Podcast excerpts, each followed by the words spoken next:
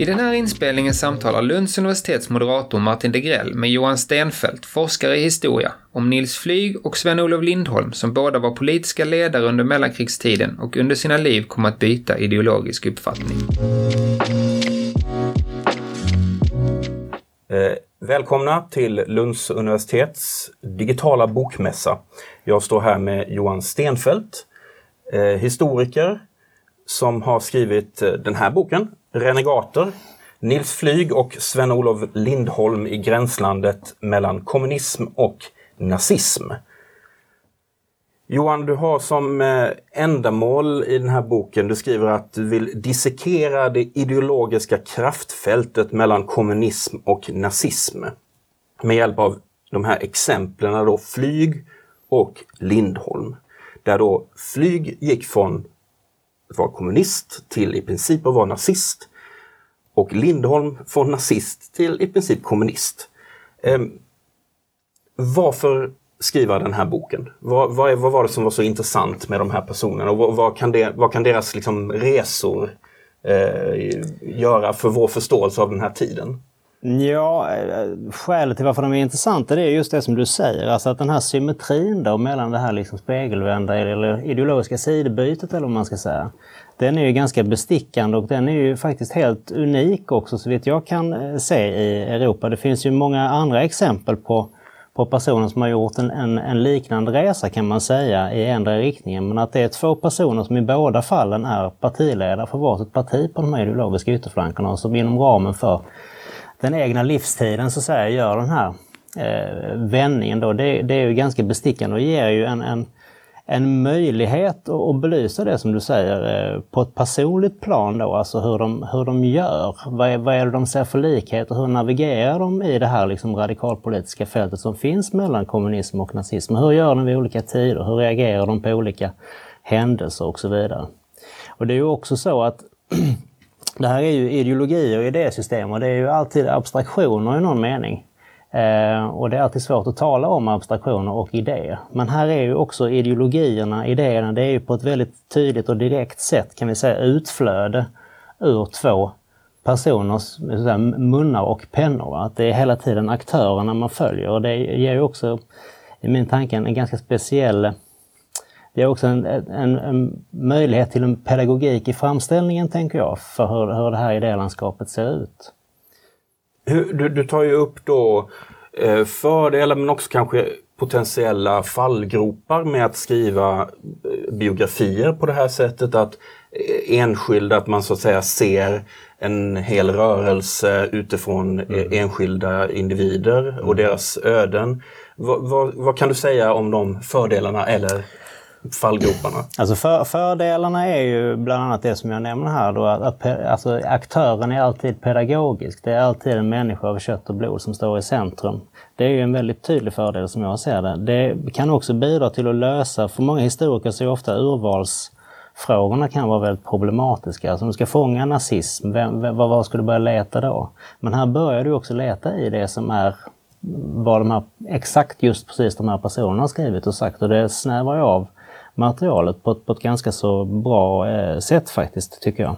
Så det är väl två tydliga fördelar. Nackdelarna är ju naturligtvis det här som du eh, nämner själv, alltså att det finns en bristande generaliserbarhet. Man kan ju inte säga någonting, eh, eller ja, någonting kan man ju säga, men man kan ju inte säga någonting generellt utifrån två eh, enskilda fall. Man kan belysa vissa företeelser.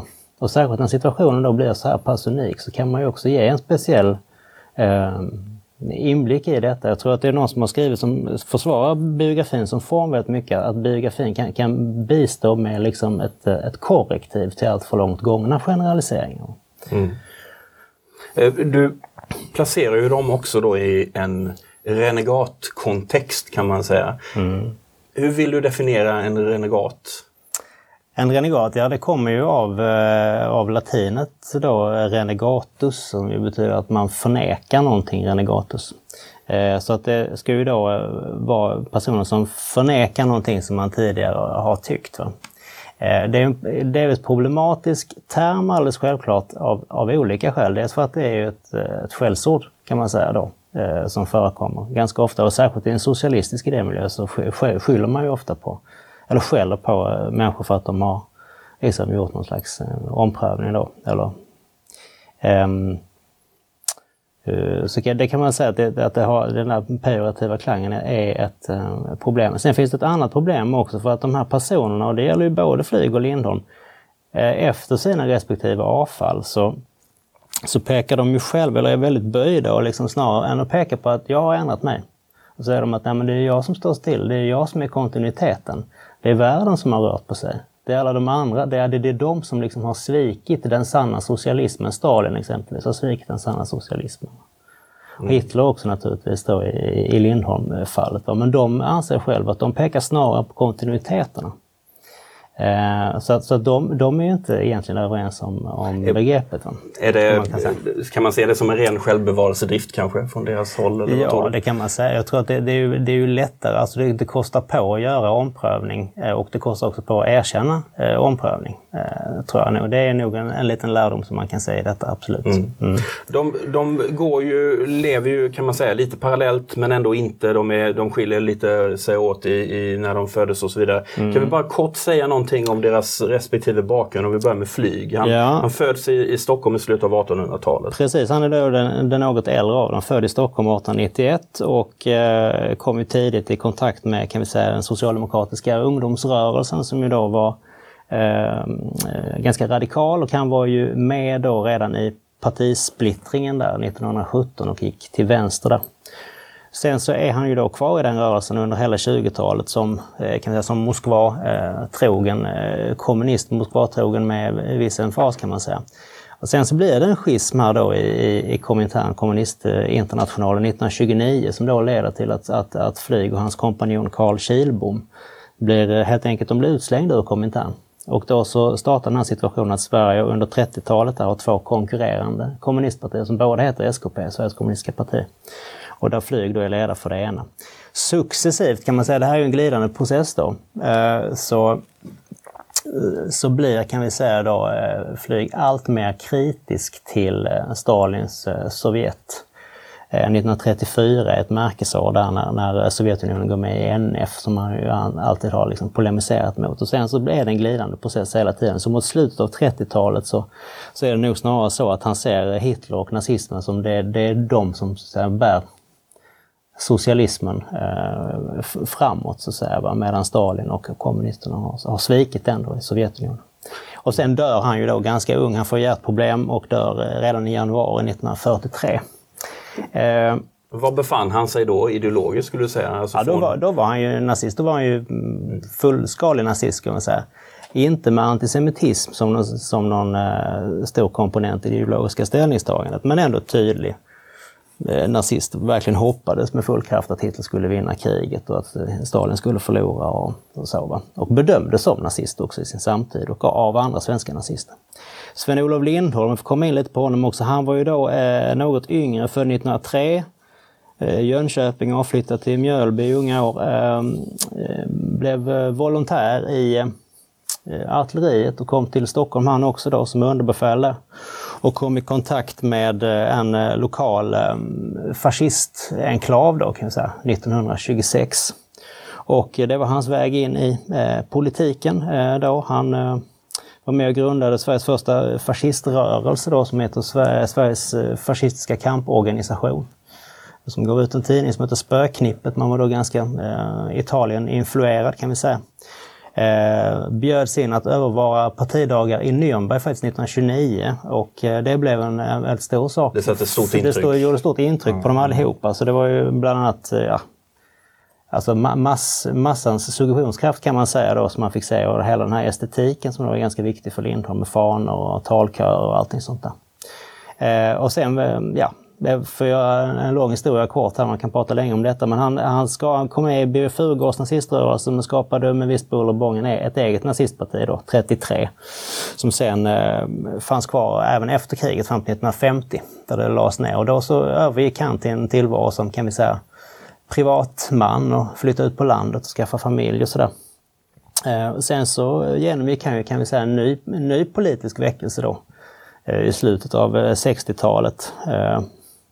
Och eh, de, det, liksom det nya radikalpolitiska ställningstagandet där för hans del var ju det kommer att ta gestalt kan vi säga i tre eh, organisationer, eller det fanns tre linjer i det. Det var ju då först att han blev eh, ansluten till FNL-rörelsen och gick i många demonstrationer där och hade en väldig sympati för, för eh, det vietnamesiska folket och deras nationella befrielsekamp. Det var ju det som var, liksom var centralt för honom hela tiden.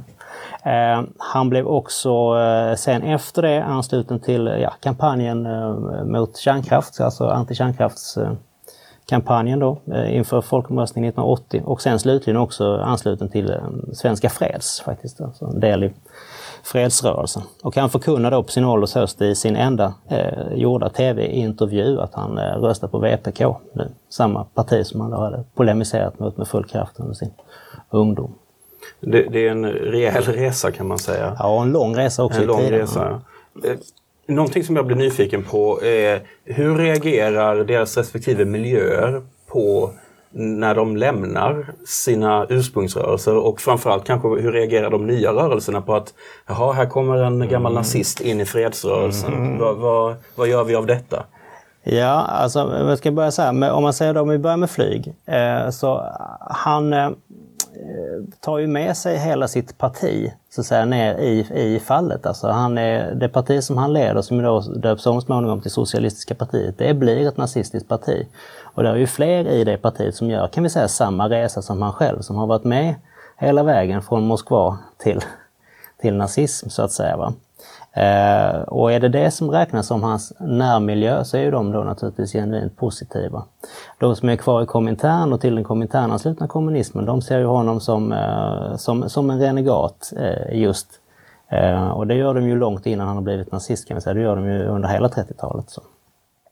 Så det är väl eh, lite grann då om, eh, om flyg. När det gäller Lindholm så är situationen eh, lite svårare att ringa in tror jag. För att han är ju då som sagt var, han är ju eh, en ensamstående pappa eh, helt enkelt. Och han, I några månader så söker han väl också ett sammanhang. Eh, han är ganska ensam och, och, och, gör detta, inte, inte i någon ledande position, utan han är med och han sympatiserar och han skriver mycket om det och, och, och så. Men det finns, det finns väl också vissa indikationer på att den mottagande miljön, eller vad det var du kallade det för, om vi då ska säga att det är vänstern eller VPK som han röstar på. Det finns en intressant artikel skriven under 80-talet då, där man, eh, man liksom håller upp i Ny Dag, alltså kommunistisk eh, tidning helt enkelt, att man håller upp flyg som att titta här är den, den gamle nazistledaren, nu har han lärt om. Nu, har han, nu, har han, nu ser han ljuset här så att säga och kämpar för världsfred. Och, och allting detta. Eh, och det säger han också i den artikeln, men i hans egna efterlämnade eh, skrifter så är det ju ofta att han trycker inte på att han har förändrat sig utan han trycker snarare på kontinuiteten själv. Så jag tror att den mottagande miljön kan också ha en tendens att se de här personerna delvis som på något sätt en, en skalp mm. för den egna saken. Um, medan de själv snarare ser på sin, sin kontinuitet. Det finns tendens till det mönstret. Mm. Går det att säga, nu, nu så att säga gick de lite förbi varandra på mm. kors och tvärs ibland. Ehm, kan man säga något om när i tiden de låg närmast varandra ideologiskt? Det var någonting som jag funderade på när jag läste boken. Ja, eh, det, det kan man väl nog säga att eh, det, de ligger ju på i princip samma plats ideologiskt under tidigt 40-tal. Alltså, eh, då har ju Nils Flyg, han har fullbordat sin ideologiska resa då mot nazism och samtidigt så ligger Sven-Olof Lindholm kvar i den, den folla där han då har legat under hela 30-talet. Så att eh, 41-42 skulle jag säga, eh, efter eh, Tysklands invasion av Sovjetunionen. Då hamnar liksom allting på rätt plats ideologiskt och historiskt så att säga, för, för flyg. Så då är de nog ganska överens. Och då är det också vissa krafter som försöker sammanföra de här personerna för att blåsa lite nytt liv då i den svenska nazismen som är en ganska tynande och skadeskjuten företeelse då under hela stor del av 30-talet faktiskt och även även 40-talet. Det finns en, en, en Osram-direktör som heter Fredrik Schele som bjuder hem dem till sin villa och försöker eh, få ihop eh, någon slags momentum där. Eh, det blir inget av det eh, av olika skäl. Jag vet inte riktigt varför. Jag tror att Flyg möjligen var, var sjuklig eh, redan då. Han dog ju bara något år senare. Han hade hjärtproblem som sagt. Och, eh, när det gäller Lindholm så var ju han militär så han var ju av och till inkallad. Sådär, så att det blev inget. Det blev inget. Eh, boken heter alltså Renegater. Eh, Johan Stenfeldt, stort tack för att du kom hit och pratade med oss om den här boken. Tack själv.